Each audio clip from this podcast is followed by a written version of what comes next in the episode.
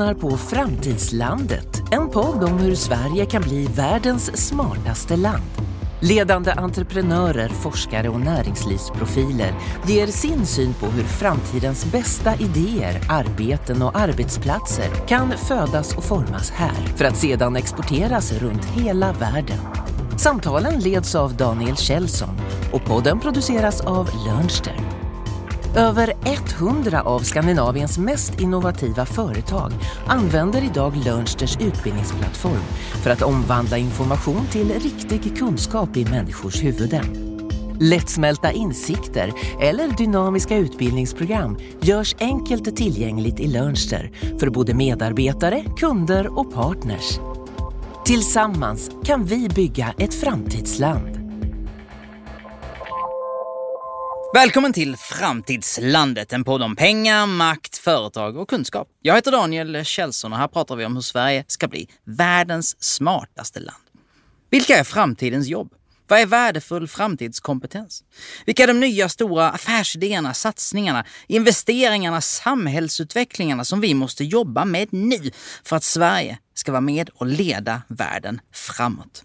Min vision med de här samtalen är att oavsett om du kom till Sverige för en kvart sedan eller om du är släkt med Gustav Vasa, så är vi alla lika kallade. Nu måste vi jobba tillsammans för att vårt lilla land ska fortsätta vara starkt i den stora, allt snabbare världen. Jag drömmer om att vi ska bli bäst i världen på att leva, bygga och växa i förändring. Vi ska göra det till vår konkurrensfördel och vår affärsidé. Sveriges omställning ska bli en magnetisk kraft som drar kapital, idéer och talang till Sverige. Och det här är inget ensamt korståg jag är ute på, ska ni veta. En drös fantastiska pionjärer har burit, puttat och ibland släpat Sverige genom 30 års digitalisering. En av dessa pionjärer, vars arbete jag följt på nära håll, är Joakim Jardenberg. Joakim, eller Jocke i folkmun, har internetifierat Sverige sedan tidigt 90-tal. Som affärsängel, föreläsare, entreprenör, debattör, evangelist, utbildare, vd-viskare och mycket annat fortsätter Jocke att experimentera, inspirera och genom sina olika engagemang arbeta för att framtidssäkra Sverige.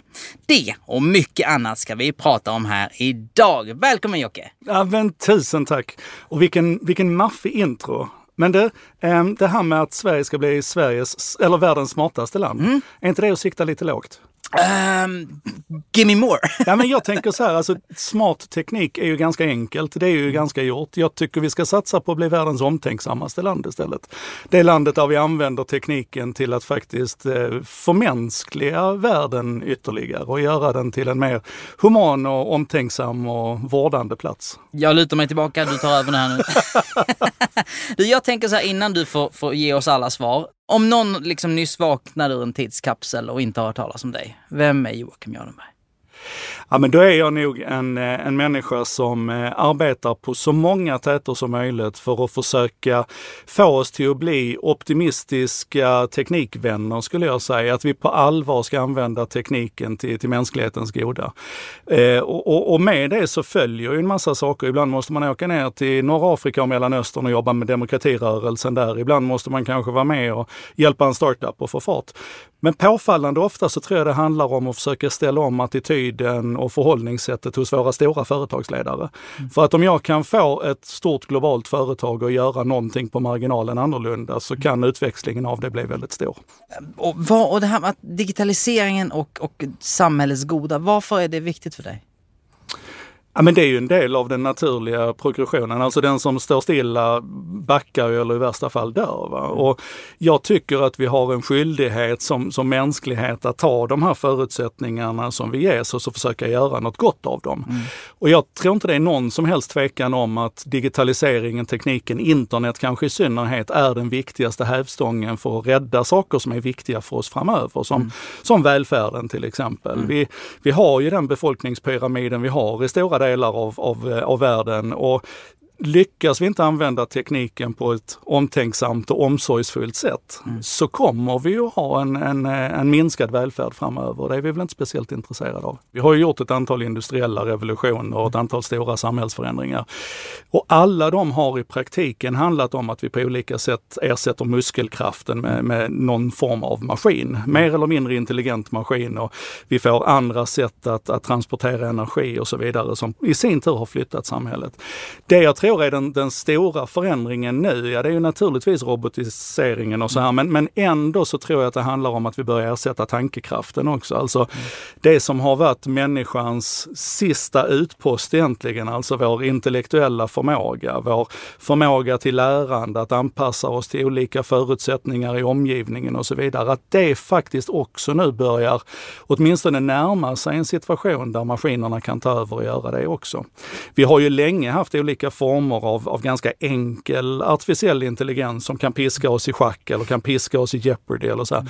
Men det som börjar hända nu det är att vi ser att den här intelligensen som vi skapar, jag älskar norrmännen när de säger kunstig intelligens, artificiell intelligens, att den faktiskt också börjar ta över. Och det ställer ju hela vårt, vårt kunskapssamhälle på ända lite grann. Vi har ju vi har ju länge pratat om det här att nu har vi liksom gått ifrån en sorts samhälle och över till kunskapssamhället eller informationssamhället. Men nu börjar det utmanas också. Mm. För att det är inte längre självklart vad som är värdet av den kunskap som du har i huvudet. Nej. Och det är ju klart att det är en jättestor omställning. Ja. Jag pratade med Sara Örvall som ni är på Axel Jonsson tror jag, mm. um, för, för, några månader sedan. Och då sa hon att i en rekryteringsprocess, om du innan tävlade så att säga mot, så här, men här kommer jag med mitt CV och här är någon som har pluggat på Harvard och då har jag lite problem kanske eller sådär. Så kan du imorgon så att säga tävla med någon som har köpt en ny hjärna eller ett nytt minne. Mm. Och, och det, ju, det ställer ju allt på ända. Absolut, och, och, jag tror att det är nog en av dem, om man ska titta lite grann runt knuten och, och så här eh, över kullen här, ja. över krönet, så är det ju nog just det här att vi faktiskt börjar bygga ihop tekniken med med hjärnan, alltså brain to mm. computer interfaces av olika mm. slag. Det är nog en av de sakerna som, som jag är mest intresserad och nyfiken på just nu. När det mm. görs stora framsteg. Eh, Elon Musks företag har ju nu lyckats träna en apa till exempel till att spela pong eh, och vara otroligt duktig på det, bara med hjälp av, av impulser från hjärnan. Och det är ju mm. precis som med artificiell generell intelligens, det är långt kvar till det en vardag. Mm. Men det ligger nog definitivt i, i den förlängda riktningen här. Om vi stannar vid liksom, teknologins framkant, eller stannade. Ja, det är väl där vi ska befinna oss. Men Get AI, mm. din roll där, VD där idag. Vad gör ni? Vi är ett så kallat näringslivsinitiativ och vi är ett SVB, alltså ett aktiebolag med särskild vinstutdelningsbegränsning. Och vi har valt den formen för att vi ligger i gränslandet mellan det offentliga och det privata näringslivet. Vi eh, arbetar med eh, tillämpad AI kan vi säga. Eh, Spets-AI, eh, det får Amazon och, och kineserna syssla med. Vårt uppdrag är egentligen att försöka ta allt det som redan finns där ute, all den maskinlärningstekniken och all, alltså hela egentligen det som ligger under det stora AI-paraplyet och se till att vi implementerar det i verkligheten idag. Mm. Vi har till exempel byggt en lösning som kan halvera matsvinnet i skolorna med 50 procent. Mm. Vi eh, tittar på lösningar för att med eh, eh termotermografi, alltså teletermografi tomografi, att på distans kunna avgöra människors temperatur, se om vi kan hitta ett, eh, ett system för att ta tempen på folkhälsan och, och, så. Så att vi ligger liksom i, i gränslandet mellan det som finns och det som kommer att finnas. Att ta den, den befintliga spetsteknologin och implementera den i, i vardagens verksamheter. Mm. Det är sånt vi gör. Mm, häftigt. Och någon gång under den här serien så har jag hört mig själv säga saker som att, alltså tabloidifiera det här lite, utvecklingen och säga att, så att det finns länder där ute som, som är på väg att springa ifrån och så att det kan vara en fara inom den här teknologin framför allt. Är jag något på spåren där eller vad är din take på det? Nej men absolut. Jag menar när det gäller en sån sak som resurser, då har jag haft Darja här till exempel. Mm. Jag vet inte hur mycket Vinnova har att dela ut men det ligger någonstans mellan 3 och 4 miljarder ja. kronor. Mm det är ju en bråkdel av vad bara Amazon lägger på bara AI-utveckling. Mm. Så att det är ju helt uppenbart att när det gäller den ska man säga, den tunga research and development-utvecklingen så, så hamnar vi definitivt på bakkant. Mm. Och det gäller inte bara hur mycket pengar vi stoppar in utan det gäller ju också hur vi har möjlighet att bedriva den utvecklingen. Mm. I Kina till exempel så har man ju gett, jag tror det är 11 företag inom autonoma fordon-kategorin i den, i den, inom den domänen, gett dem fullständigt carte blanche och göra vad de vill på vilken gata som helst. Mm. Och det kommer vi ju aldrig, alltså det, det, det kommer ju aldrig att hända i Sverige. Liksom så, for better for worse, det är inte så vi ska bedriva utveckling. Mm. Så att när det gäller de stora rörelserna så är det ju definitivt så att världen springer ifrån oss. Ja. Vi pratar om jobben och, och, den här utvecklingen sett, sett med, med, med, med genom den länsen då vi kommer ifrån någon form av historik, de flesta av oss, där man tränade sig, blev någonting, studerade, blev ett yrke, hade en roll och kanske då stannade där eh, väldigt länge. Liksom. Och nu möter vi med, av allt att döma, en annan verklighet. Exakt hur arbetslivet kommer att se ut, det är väl verkligen skrivet i stjärnorna. Men mm. att det ställer stora krav på vårt utbildningsväsende, det är ju definitivt eh, fullständigt självklart. Mm. Och den utvecklingen vet jag har många vänner som jobbar på, på amerikanska universitet, där det mm. tidigare var så att det viktigaste var att du tog din examen och så fick du ditt diplom och sen kunde du gå ut till arbetsmarknaden. Mm. Nu kommer ju studenterna dit och, och, ställer krav på att de ska lära sig någonting varenda dag. För så mm. fort de hittar sin grej så slutar de och går ut och gör det istället. Och mm. Sen kanske man kommer tillbaka senare. Så Mm. Det, är, det, är otroligt mycket som händer där och överhuvudtaget långa utbildningar, den tiden måste väl på något vis få lov att vara förbi när mm. Min, eh, en, annan, en annan kompis som är rektor på, på Chalmers, han, han förklarar ju att på de tekniska utbildningarna så är halveringstiden på kunskapen de lär ut 18 månader. Mm. Så att väldigt mycket av det som du lär dig i början på den första terminen, det är gammalt i mitten på den andra. Alltså så jag skulle liksom, säga det. ja, ja. det, det, det, det, är ett tempo som, eh, som ställer stora krav på förändring, absolut. Ja, jag brukar säga det att jag menar, vi har de, de giganterna vi har idag, om du tar ett Spotify eller Klarna eller även de stora industriföretagen som talanger drömmer om att jobba för idag, står ju på, alltså on the shoulders of giants om man tänker på samhällsinvesteringar som gjordes för länge sedan och som, jag menar både du och jag, den svenska skolan, hemma, PCn, internet, alla de utvecklingar som, som på något sätt, eh, nu kommer jag att tänka på Commodore 64 bara för det, men, men som gav entreprenörer som idag är stora arbetsgivare och sådär. Och det jag hela tiden tänker på är vad lägger vi för byggstenar nu som, som ger det till nästa generation igen? Liksom? Ja, men jag ska säga att det är, det är min stora oro också. Ja. Eh, jag tror att det vi möjligtvis har i form av, av infrastruktur som kan förändra läget framåt är ju den mjuka infrastrukturen. Mm. Alltså att vi har ett, ett stödsystem i Sverige, ett, ett, socialt stödsystem som gör att du behöver sällan vara speciellt orolig för att bli utkastad på gatan. Mm.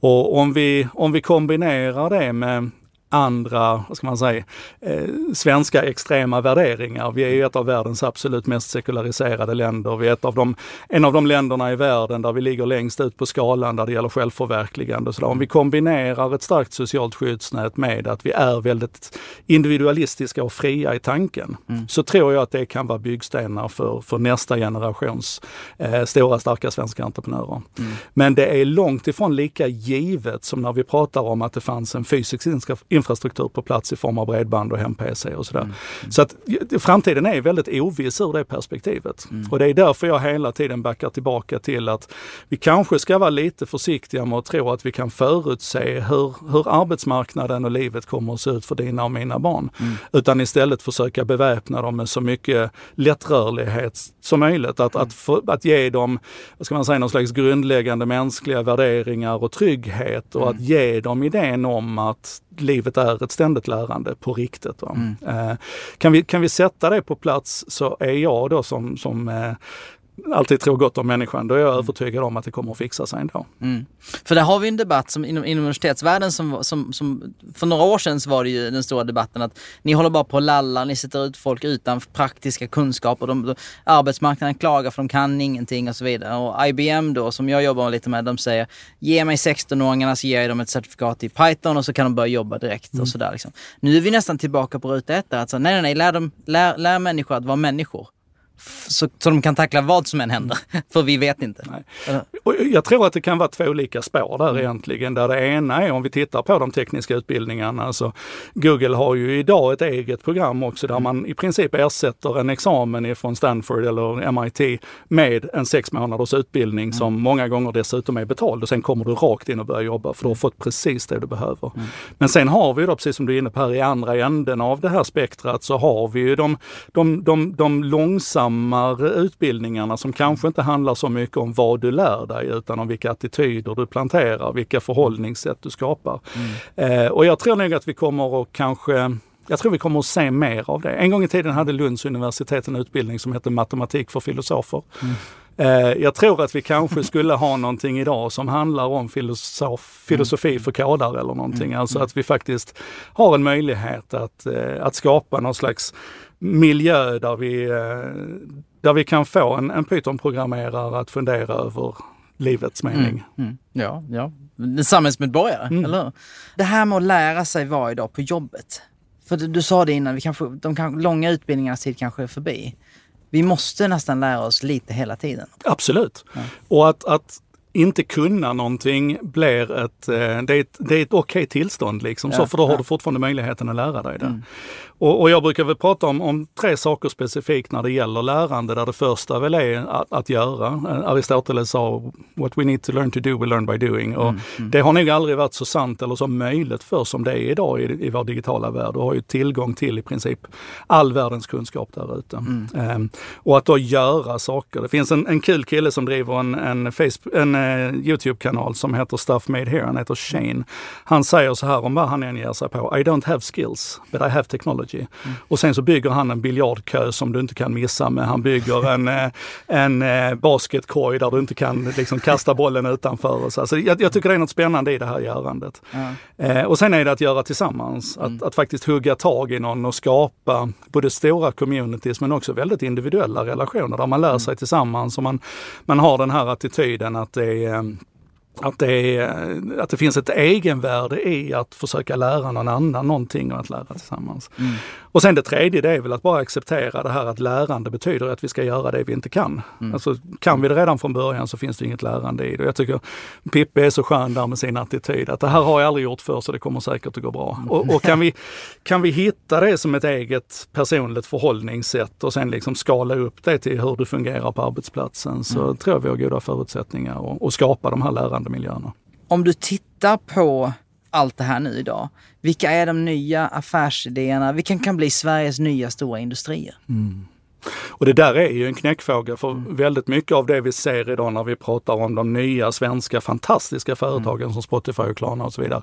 Så är de ju inte industrier så i den mån att de, att de anställer horder av folk. Liksom. Och de, de är många gånger inte ens liksom, lokaliserade till Sverige bara. Så, så att det finns en utmaning när vi söker nästa stora industri.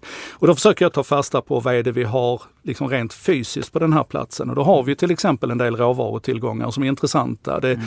Vi har nog nog bara börjat skrapa på ytan vad vi kan göra med den svenska skogen till exempel. Där det finns många företag inom skogsindustrin som är offensiva idag. Jag skulle vilja att vi tittade mer på det. Vi kan titta på traditionella näringar som fossilfri ståltillverkning till exempel som också är jättespännande där vi, där vi håller på att flytta fram. Men sen funderar jag ju på, på platsen som sådan. Alltså mm.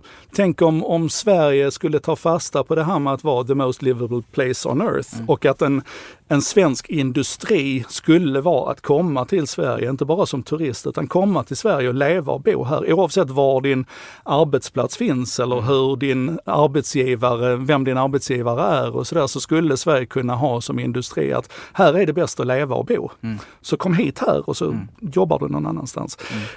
Ovanpå det sen så tror jag att det hade hänt någonting som också är en intressant industriell utveckling för Sverige. Det är allting som har med, med hälsa att göra, med, med åldrandet, alltså hela, hela medtech-sektorn. För att om det då kommer hit drösar med folk liksom som ska leva och bo här och, och som kommer att trivas här, då kommer de ju också vilja lägga lite energi på att se till att det är bra att bli äldre här och att det är bra att, att kanske vara sjuk här och så.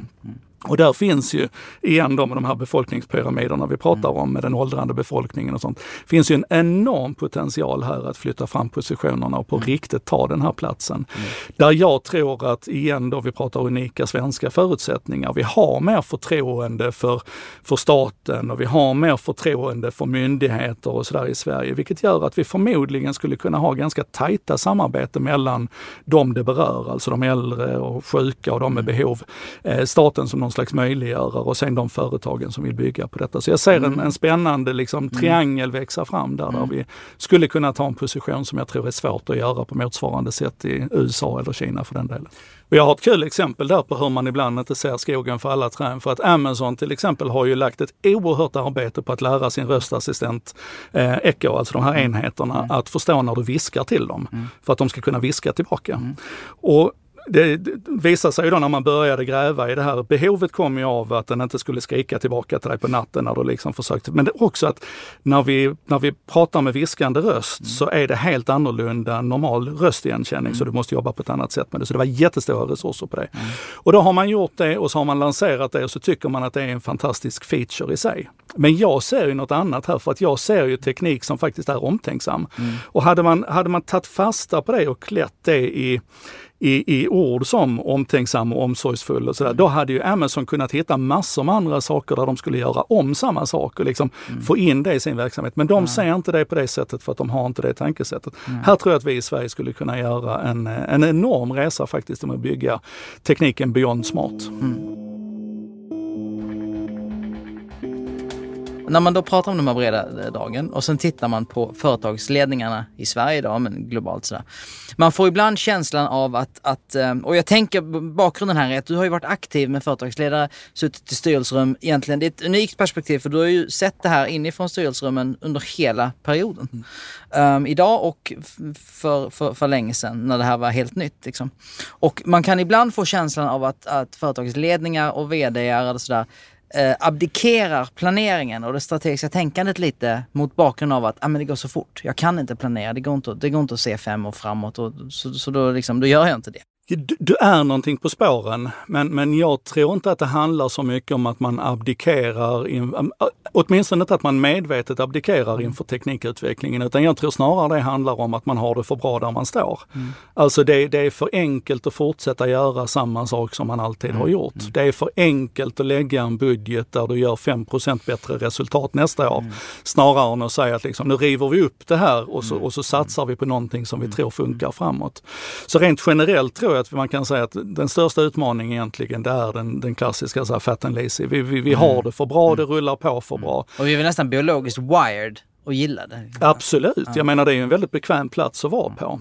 Mm. Eh, och där kanske vi då ska skänka en tacksamhetens tanke som jag tror att flera av dina tidigare gäster har varit inne på också till pandemin liksom mm. som med allt hemskt det förde med sig ändå ryckte upp saker och ting med rötterna och fick oss att tänka på, på lite grann ett annat sätt. Mm. Och ett, ett, tydligt exempel där jag har jobbat i ganska många år med Lufthansa och med deras VD Karsten Spar. Och vi har ju suttit och arbetat med, alltså vi, ingen tvekan om att man har sett teknikutvecklingen, man har sett hur hela flygsektorn förändras, mm. affärsresandet kommer att förändras med klimathoten och diskussionerna runt det och man har sett hot ifrån självkörande fordon om tio år som kommer liksom plocka bort hela den, den nationella marknaden och sådär. Mm. Men allt det har ju handlat om någonting som har funnits över horisonten. Liksom, mm. en, en bit där bort. Vi har haft tid att ställa om, vi har haft tid att jobba på detta. Mm. Och sen kommer pandemin och bara liksom ger en en sån här riktig käftsmäll. Och, mm. och Karsten sitter liksom och konstaterar hur det rinner ut en miljard euro i timmen ur bolaget. Mm. Det finns ingen kran. Alltså, kan vi prata stress? ja men det är en kvarts miljard kronor ja, ja. varje dygn. Mm. Ja, Sju dagar i veckan. Och det han tar med sig från det, det är ju att det kanske inte bara handlar om att planera, va? utan det mm. kanske snarare handlar om att vara beredd. Alltså mm. preparedness snarare än planning. Mm. För då kan, du, då kan du styra om och du kan liksom eh, vara mer agil är ju ett, ett, ett klyschigt ord, men mm. du förstår vad jag menar. Ja, alltså man kan vara mer agil i förhållande till hur världen omkring dig ser ut. Och det är ju, mm. det är ju klassisk darwinism. Liksom. Det var mm. inte den starkaste som vann, utan den som var mest anpassningsbar. Ja. Och blöder du en miljon euro i timmen så spelar det ingen roll hur stor krigskassa du har, för att det kommer att göra ont så småningom. Mm. Och där börjar det då växa fram saker som på väldigt hög nivå egentligen, att man kanske inte bara funderar på hur ska vi minimera kostnader, utan hur ska vi korta våra kostnader? Hur ska vi se till att den dagen folk inte kan gå till jobbet nästa gång så sitter vi inte med kontor som kostar liksom 100 000 euro om dagen. Nej, exakt. Och, och där i det så tror jag att vi har fått en, en knuff som kanske inte specifikt kommer att leda oss till att vara bättre på att planera, mm. men som förhoppningsvis kommer att leda oss till att vi är bättre, bättre förberedda och, och mm. därmed så kan vi svänga om. Mm. Och det är ofta så här när jag är ute och föreläser, så ibland så får man en fråga från publiken, så här, ja men vad kommer efter Facebook eller vad kommer efter Clubhouse? Och, så här. och mitt genomgående svar är att du behöver inte fundera på det, för du är inte den som ska bygga det. Nej. Utan vad du behöver fundera på det är att förstå de sociala mekanismerna som finns på sociala medier till exempel mm. idag. Vad är det för mänskliga behov och drivkrafter som leder detta framåt? Hur ser affärsmöjligheterna ut och så vidare. Mm. Och när sen nästa grej kommer efter Facebook, då är du ju beredd. Mm. För då har du den underliggande förståelsen och mm. omställningsbarheten att göra det istället. Mm. Är du då ett, ett bolag vars anställda Du har en kultur där du lär dig vad dag man experimenterar. Det finns den här andan av att vara anpassningsbar. Och det, det finns det nog till och med pandemidata på att då ställer de bättre. Då tar du det här bättre. Då är du snabbare på banan igen. Alla de här aspekterna som du måste ha finns närmare till hands. Och jag menar, nej du kan inte förbereda dig på X för du vet inte, vad, du vet inte parametern. Men du kan ju se till så att ni står i startblocken alltid. Yes. Exakt så. Ja. Exakt. Vad, när du jobbar med ett sånt storföretag mm. eller vilket annat som helst, vad kommer att prägla framtidens arbetsplats? Mm. För det första så, så, tror jag inte att framtidens arbetsplats är en plats för arbete. Eh, det har vi nog konstaterat här nu att mm. väldigt mycket av vårt arbete det gör vi bättre någon annanstans än på arbetsplatsen. Mm. Och då tar man fasta på det så att det kanske mer blir en plats för social samvaro eller till och med fysisk träning eller mm dina veckomöte eller speciella workshops och så här som du faktiskt vill göra på plats. Um, så att det första är nog att det inte är en plats för arbete. Det andra är kanske att den inte nödvändigtvis finns på samma plats som din arbetsgivare. Mm. Jag tror mycket på att man kommer att hitta möjlighet att arbeta i mindre grupper inom samma företag men på olika platser. Vi skulle mm. kunna ha 20 Facebook-anställda som sitter i Helsingborg och jobbar de hade kunnat liksom bygga kultur och de hade kunnat liksom ha den kontexten och sammanhanget som den fysiska världen kan ge oss, men de hade kunnat sitta någon helt annanstans än huvudkontoret. Mm. Eh, och det tredje är kanske att det handlar inte så mycket om att någon har gett dig ett arbete och en plats att gå till utan du gör olika jobb och du sitter på olika platser. Mm. Eh, gigekonomin har väl tappat lite grann av sin flär men jag tror fortfarande på att vi kommer att vara mycket mer mångfacetterade framöver. Mm. Eh, jag tror att det här med, med fulltidsarbete åt en och samma arbetsgivare, det är nog en klocka som tickar. Mm. För att det är mm. inte bra för den anställde och det är inte bra för arbetsgivaren utan istället att du liksom sprider ut dina, mm. dina, dina förmågor va? och dina Eh, de, de jobb du behöver göra på många olika Mm. olika håll. Och då, då, definieras ju liksom arbetet och arbetsplatsen om fundamentalt. Mm. Vilka saker är det viktigast att lära sig nu för att ge sig själv bästa möjliga plattform för vad som än händer? Och då tänker jag professionellt framåt. Liksom. Du menar utöver sådana saker som att lära sig att lära och så? Nej, ja, men det är absolut ja, inkluderar det. För, för det tror jag är det absolut ja. mest centrala. Ja. Att, att utbildning är inte längre någonting som någon, precis som jobbet, det är inte någonting som någon ger dig. Nej. Utan utbildning är någonting som du skaffar dig själv mm. i de små beståndsdelarna som, som du behöver just nu. Mm. Um, och, och, det finns en, en, en, annan snubbe här i Sverige som heter Troed Troedsson som, som också jobbar som föreläsare. Så.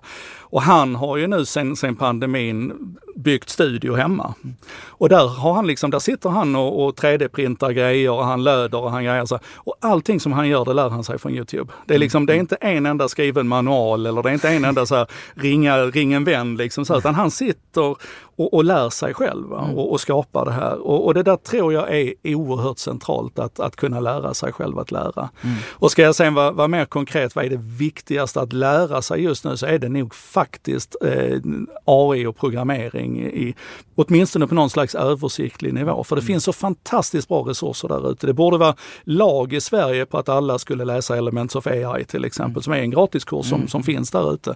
Och, och, och kanske gärna också få lite skit under naglarna genom att testa lite programmering. Mm. För att det händer någonting med ditt huvud. Va? Det är mm. ungefär som Eh, vi behöver egentligen inte någon matte idag för vi har en miniräknare i fickan, men det finns fortfarande vissa grundelement mm. i matematiken som är nödvändiga för att du ska kunna fungera som den här samhällsmedborgaren. Mm. Jag brukar få frågan från föräldrar, så men vad ska jag lära mina barn? Så här, ska jag lära dem HTML eller CSS? Typ? Och då mm. brukar jag alltid säga, ja men att göra det idag, vad de än lär sig kommer vara som att lära sig hieroglyfer. Um, men det du sa att det händer någonting i huvudet, mm. det betyder inte att det är onödigt att sig HTML idag. Men du kommer kanske inte använda det?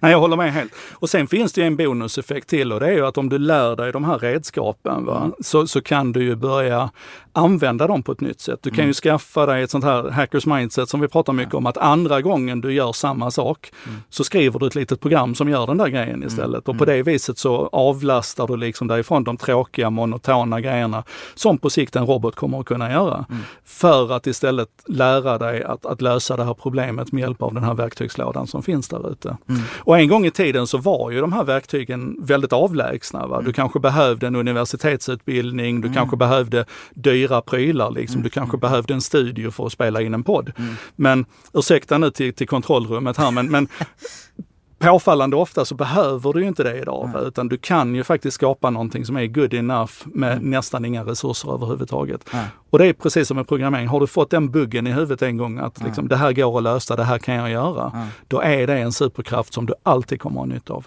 Vilken är en utbredd teknologi tror du kommer ha störst påverkan på oss inom en, säg femårsperiod? Eftersom vi redan har pratat om AI som väl är en sån och likadant med ja. robotifieringen så skulle jag väl säga kanske, men låt oss rikta in oss på något specifikt då, autonoma fordon. Mm. Det, där har vi ju tidigare pratat om väldigt långa tidsperspektiv, men mm. tittar man på utvecklingen här nu så känns det ju som att det, det kryper väldigt nära. Va? Mm. Elektrifieringen, eh, kommunikationerna i form av 5G, eh, avsevärt smartare algoritmer, bättre mm. sensorer och så här. Det, det sker så mycket utveckling på det området idag så att om inte den människokörande trafiken hade stått i vägen så hade mm. vi bara kunnat fimpa den idag. ja. På riktigt alltså. Ja. Det hade fungerat bättre med autonoma fordon i trafiken om inte mm. människorna hade tomtat omkring där. Mm. Och då tycker jag det är spännande att tänka sig, ja men autonoma fordon, då tänker folk att ja men det spelar väl roll för, för Volvo och BMW typ, mm. om det kommer på plats. Men det spelar faktiskt roll för hela samhället. För att mm.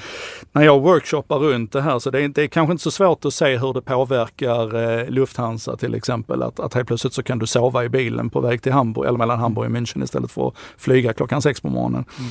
Men inom alla sektorer där jag jobbar så kan man driva den här frågan till en plats där den påverkar dem. Mm, mm. Och eh, därför så tror jag att det kommer att, eh, det, det, är någonting som vi kommer att se påverka tydligt de närmsta fem. Och det kommer att påverka alla. Det är, liksom, mm. det är ingen som kommer undan det faktum att hela vår logistikfunktion kommer att ställas om. Nej. Och alla våra städer är byggda runt bilen? Ja, ja absolut. Mm. Och de är byggda runt bilen som har vissa, vissa krav eftersom den, den körs av människan. Va? Det är, vi måste ha trafikljus och vi mm. Måste ha vägar med en viss bredd och så vidare. Va? Det, allt det där skulle vi kunna liksom fimpa om. Och de måste stå här där vi är. Bara en sån sak. Ja. Mm. Du har ju varit i framkant länge och det är inte bara så att det kommer inte gratis heller. Hur jobbar du själv med ditt egna lärande och din utveckling? Utöver det självklara med att jag har bestämt mig för att älska att lära nytt. Är det ett val man gör? Ja, det är ett val man gör. Det är, det, du, du, kan faktiskt bestämma dig för den attityden. Och sen så är det ju en resa, det är ett jobb att göra, va? men du kan bestämma dig för det. Så är det väl egentligen två saker. Det ena det är att jag pratar jättegärna om mitt lärande. Jag gör ju en sak idag under perioder till exempel, där jag klär av mig lite grann och säger, jag är inte färdigtänkt med detta, men det här tycker jag är en spännande resa. Vad tycker ni? Och så får man alltså kliva ut där ute och dra nytta av de här stora mm. nätverken du har runt Det är en podd slash videopodd som vi länkar till den här också. Så yes kan hitta den. Ja. Eh, den ligger nere just nu för jag orkar inte sitta mer framför kameran än vad jag gör i jobbet just nu. Så. Vi kan länka till the greatest hits. ja, det är bra. Jag kan sätta ihop en spellista till dig. Men det andra som nästan är ännu viktigare, det är att jag har, jag har um, jag har tagit till mig Dunning-Kruger-modellen, alltså den här Dunning-Kruger-effekten. Du vet den här att du, du, har liksom två stycken axlar med eh, det du kan, så här ökar och på andra axeln så har du din, din förståelse för din egen kunskap. Så mm. Och du börjar ju nere i origo, liksom att du inte kan någonting och du vet att du inte kan någonting. Men sen har vi som människor... I bästa fall. I bästa fall. Ja, jag skulle nog säga att 99% av människorna börjar där nere i alla fall. Va? Men sen har vi då en mänsklig förmåga att så fort vi börjar liksom kratsa på någonting, va? Va? Så springer vi upp på det man kallar för pick of Mount Stupid liksom. Att du tycker att jag, det här har jag ju fattat. Va? Mm. Och du ser ju det här om och om igen när Sverige drabbas av skogsbränder. Så helt plötsligt så är hela Sveriges befolkning mm. experter på vad vi borde ha gjort. Ja. Eh, och, och, och, och, sitter du och har djup kunskap om en domän så blir du alltid frustrerad över hur alla andra tycker ja. att det här är enkelt. Pandemiåret så föddes ju en hel del. så många epidemiologer vi fick liksom. Va? Eh, och, och, har du väl förstått det här och du blir lite ödmjuk inför din egen oförmåga att förstå det du inte kan, mm. så, så är det någonting som händer med lärandet. Så det där påminner jag mig själv om hela tiden. Att, mm. att, nu tycker jag att jag har begripit detta men det betyder förmodligen bara att jag inte har begripit det. Då ser du omkring on, the, on toppen of Mount Stupid. Ja, precis. men jag brukar säga det också att, att det är väl man måste inte gå in och titta, men vad är den tyngsta kursen jag kan hitta inom Python? Om jag, för alla säger att programmering är det. Man kan ju lära sig spela gitarr eller amerikansk politik. Eller om man bara får in lärande och utveckling och förståelse i vilken, om man börjar där, vad är mm. kul att lära sig? Så är det som en plattform. Man behöver inte ge sig på det svåraste direkt och tyngsta direkt. Så de här små bitarna av saker som är roliga minsta möjliga motstånd. Otroligt viktigt. Ja. Alltså att, att sänka friktionen och att komma in på en nivå där mm. du känner att det här är faktiskt greppbart. Mm. Det är nog det ena. Och sen den andra bonuseffekten du får av det, det är ju att du, du tränar dig. Alltså det, mm. att, att, att, lära sig någonting är ju också en muskel som du kan träna upp, mm. en alldeles separat muskel. Och, och, har du bara fått liksom tränat upp den muskeln så betyder det ju också att du är mycket mer motståndskraftig mot, mot friktionen. Va? Du, du, liksom, du vet att du kommer igenom det, du har sett det hända. Mm. Så att definitivt att bryta ner det i små bitar för att minska friktionen men också för att du ska få en, en, en, en rörelse i det. Va? Att mm. du blir van vid att göra på det mm. viset. Jocke, vi har ett eh, parlamentariskt knepigt läge i Sverige idag kan man säga utan att gå in på detaljer för man har ingen aning om hur det kommer att spela ut. och vi ska inte försöka lösa det här idag. Um, istället så ska jag fråga dig, om statsministern, vad han eller hon eller hen än heter, en dag säger att nej, det här med digitalisering av framtid och lärande, det orkar jag inte med längre. Uh, Jocke Jardenberg, du får bli framtidsminister, obegränsad budget och du har ju majoriteten i riksdagen bakom dig. Om uppdraget då är att framtidssäkra Sverige, eh, förbättra våra chanser för att nästa världsföretag ska födas här och gro här som vi sa innan. För att vi ska fortsatt kunna erbjuda alla här kvalitativa, bra mänskliga jobb eh, genom hela livet. Vilka beslut tar du? Vilka, vad jobbar du med? Hur prioriterar du? Förutom då den krångliga svenska förvaltningsmodellen som gör att... Men det, det finns inte? Nej, okay. Jag får bestämma ja, på ja, ja, ja. Okay. Eh, då, skulle jag nog börja med, då skulle jag nog börja med att förbjuda ett par saker. Mm. Alltså jag, jag, skulle plocka bort möjligheten att till exempel arbeta med papper. Mm. För papper är liksom det är den, den stora motståndskraften emot digitalisering egentligen. Mm. Och, och, det är en, alldeles onödig grej. Då. Så bort med papper. Jag skulle kanske förbjuda oss att lösa problem genom att kasta mer människor på dem. Mm. Så att när vi märker att ett behov ökar någonstans inom någon sektor så ska vi science the shit out of it, mm. för att komma tillbaka till den igen. Istället för att bara kasta mer människor på det. Så det, jag hade gått in och sagt att ett antal saker ska vi inte göra. Det är så enkla grejer, kastat ut mm. kopieringsapparaterna och så. Och sen så tror jag att jag hade nog tagit steget till att införa någon form av medborgarlön. Mm. Att vi har, att vi ytterligare förstärker det här sociala skyddsnätet vi har i Sverige idag. Med att ge människor möjligheten att om de inte, om de inte behöver den största lägenheten och den, den, mm. den fetaste semesterresan utan är nöjda med lite mindre så kan de faktiskt gå runt på den, den medborgarlönen de mm. får. För att på det viset frigöra kraft att faktiskt göra det som man är intresserad av. Och jag är djupt övertygad om att om folk gör det som de tycker är roligt mm. så är det inte svårt att investera hur många timmar som helst i det. Och mm. det vi lägger mycket tid på, det blir vi bra på och där skulle det kunna uppstå en effekt. Mm. Jag tror att vi idag eh, det faktum att, att väldigt många idag tvingas gå till ett jobb som inte direkt utvecklar dem. Och så att jag, jag tror att det är en kraftigt tillbakahållande faktor. Mm. Um, så att uh, jag hade nog, om jag hade haft den här obegränsade budgeten mm. du pratar om, så hade, då hade jag nog hittat ett sätt att införa en medborgarlön eller negativ skatt eller vad vi nu vill kalla det. Ja. För att frigöra den uh, innovationskraften som skulle komma då skepsisen kring medborgarlönen, motståndet? Vad, vad, är, det, är det svårt tror du att, att wrap your head around it kanske? Eller vad? Ja, men det, det, det, det är nog det ena, alltså att man är orolig för vad är egentligen... Folk bara omkring. Ja precis, vad är egentligen mänskliga behov och drivkrafter? Ja. Liksom, så här, om du inte behöver jobba för lönen så kanske du bara ligger på soffan och tittar på Netflix. Mm. Och, och de som skulle falla över på det, de, de tror jag kanske inte är någon större... Alltså, de hittar sätt att göra det ändå. Va? Resten av oss har en annan motor, en annan drivkraft. Ett annat skäl till att, att det finns ett motstånd, det är ju den krassa ekonomin. Liksom Mm. så här, va? Det är ju svårt att sitta i ett system idag och se hur man skulle kunna få ekonomi i ett så radikalt annorlunda system. Vi är ju inte vana vid det i någon slags här samhällsplaneringsperspektiv, att vi gör sådana här Alexanderhugg, liksom, att vi verkligen gör stora reformer på det viset. Så att det, det är svårt med ekonomin. Eh, men sen tror jag också att det bara handlar om någon sån här instinktiv känsla. Liksom, va? Att det här känns ju fel. Money for nothing. Liksom, va? Det, det, det kan inte vara... Det Här är har vi fått lära oss there's no free lunch för hela livet. Liksom. Så finns det. ja, alltså jag, jag tror att det finns, för, alltså det, och det är inte jag som tror, det finns ju många ekonomipristagare, alltså nobelpristagare i ekonomi. Och, och allt fler datapunkter på, på test och experiment. Absolut, men svårigheten med att testa ett sånt Eh, testa en sån reform i liten skala, Mm. det är att du, du går ju miste om många av de riktigt stora effekterna. Va? Du Mm. kan ju möjligtvis se att det inte leder till någon skada, va? men det är Mm. svårt att se vad det leder till för stora positiva samhällseffekter. Och här känner jag att Sverige med våra 10 miljoner invånare, om, om jag hade fått bestämma och disponera budgeten fritt så hade jag nog tyckt att det var värt att testa. Alltså låt oss göra det här igen. Vad vad- vad kan vi göra som ingen annan kan göra? Ja, vi kanske kan göra det. Jag saknar ett visionärt ledarskap. Ja. Jag, jag kan, liksom, jag svensk, sitter i Sverige, bor i Sverige. eh, kan inte riktigt, och jobbar med de här frågorna, men jag kan inte riktigt peka på var vi är på väg. Medan andra länder så kan man mycket tydligare säga att de är på väg dit, de gör det där. Så om inte annat, så allt det du har sagt här nu, jag menar om vi bara skulle förbjuda pappret, det är billigare. än att- eh, hade ju målat upp Sverige som, ja men de här, den här magnetiska kraften jag pratar om, att så här, dra hit människorna som vill bygga någonting, skapa någonting som, som har framtidstro och allt det här. De här sakerna ger ju oss, alltså som är här, men det bygger ju också den här bilden, den här liksom, det här, ja men den här magnetiska kraften som kan bli Sverige. Mm. Och en sån enkel sak som att förbjuda papper i, i hela statsapparaten, det kan ju låta som en väldigt naiv och liten, liten grej.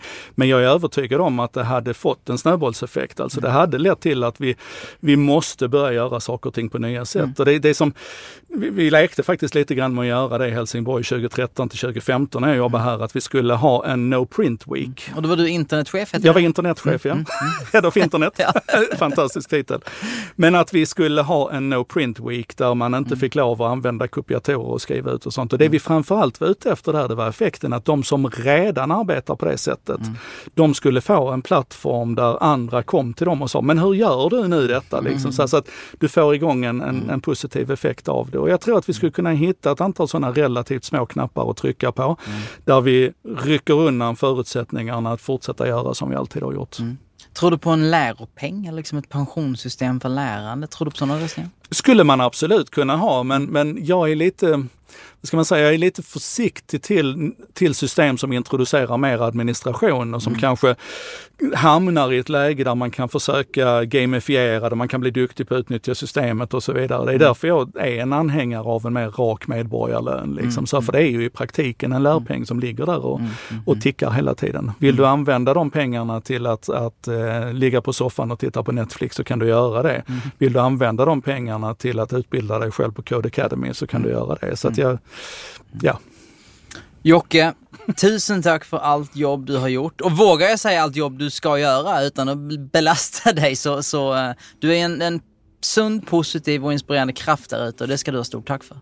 tusen tack själv. Människor kan hitta dig på jardenberg.se och alla möjliga plattformar. Överallt på Och, internetet. precis, och vi länkar till En sak idag eh, och, och allt annat vi hittar. Skulle jag säga. Det finns mycket, mycket Jardenberg godis där ute. Tack så jättemycket för idag. Tack själv. Du har lyssnat på Framtidslandet. En podd om hur Sverige kan bli världens smartaste land. Samtalet leddes av Daniel Kjellson och podden produceras av Lönster.